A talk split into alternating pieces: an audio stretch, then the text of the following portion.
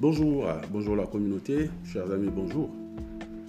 Aujourd'hui, nous allons parler d'un livre inspirant d'un auteur américain, Napoleon Hill, Think and Grow Rich. En français, Pensez et devenez riche ou bien Réfléchissez et devenez riche.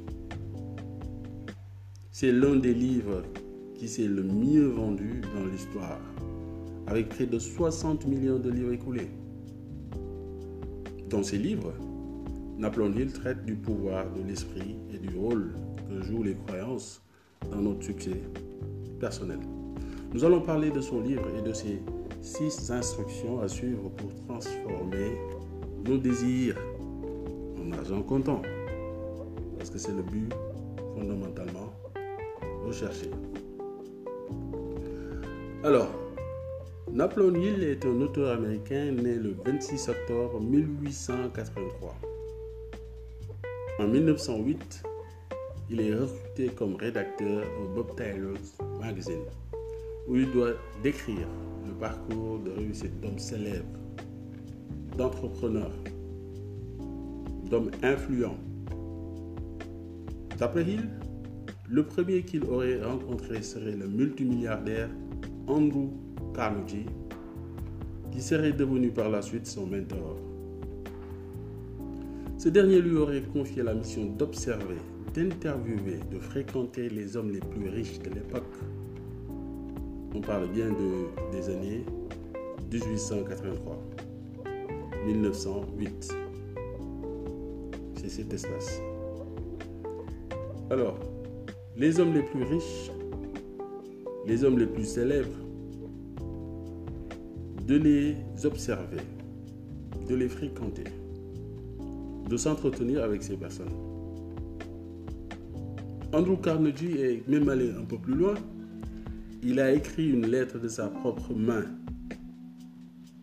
pour que ses leaders, ses influenceurs, ses multiriches puissent l'accueillir à bras ouverts. Quelqu'un comme Henry Ford, Thomas Edison, John Davidson Rockefeller, mais aussi JP Morgan, Gillette. Ce travail colossal lui prendra 25 ans de sa vie, de la vie de Napoléon Hill. Et en 1928, il sort le fameux livre qui s'appelle Les lois du succès. Alors, les lois du succès sont en fait euh, euh, le préambule du livre Réfléchissez et devenez riche. Dans Réfléchissez et devenez riche, nous allons essayer de ressortir six instructions très très importantes qui sont fondamentales et qui ressortent du livre.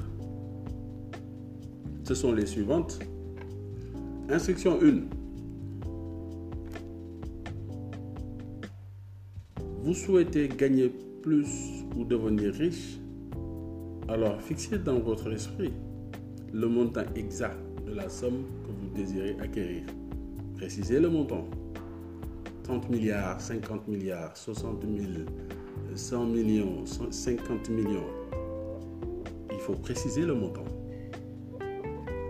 Instruction 2. Déterminez exactement ce que vous avez l'intention de donner en échange de l'argent désiré. Vous allez donner votre talent, vous êtes un bon footballeur, vous êtes un bon businessman, vous êtes un bon professeur, vous êtes un bon artiste. C'est ce qu'il faut déterminer dès le départ. Instruction 3. Il faut vous fixer une date.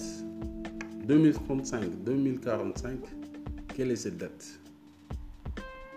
Instruction 4. Créez le processus ou les éléments à utiliser et définissez votre projet d'entreprise. Il faut créer ce processus, le comprendre et bien le définir. Instruction 5.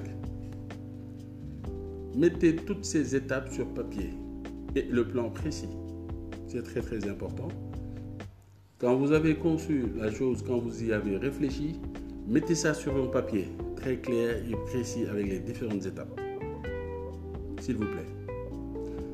Instruction numéro 6. Lisez vos objectifs écrits à haute voix. Deux fois par jour. Le soir avant de vous coucher et le matin dès le réveil. Précision de taille. En lisant, croire se sentir déjà en possession de cet argent. Alors ça peut paraître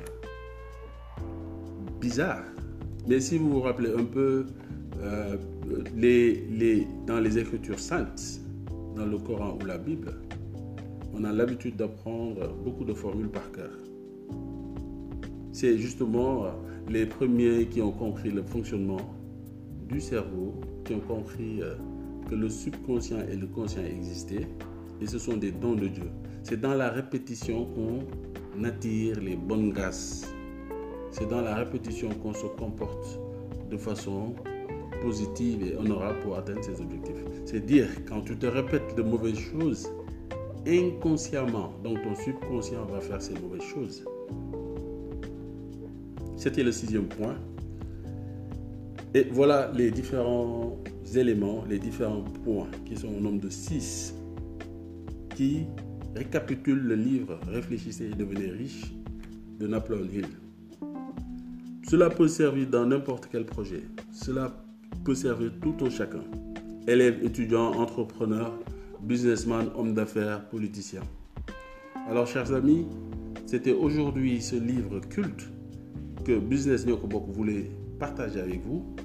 Je vous souhaite de passer un excellent week-end et à bientôt.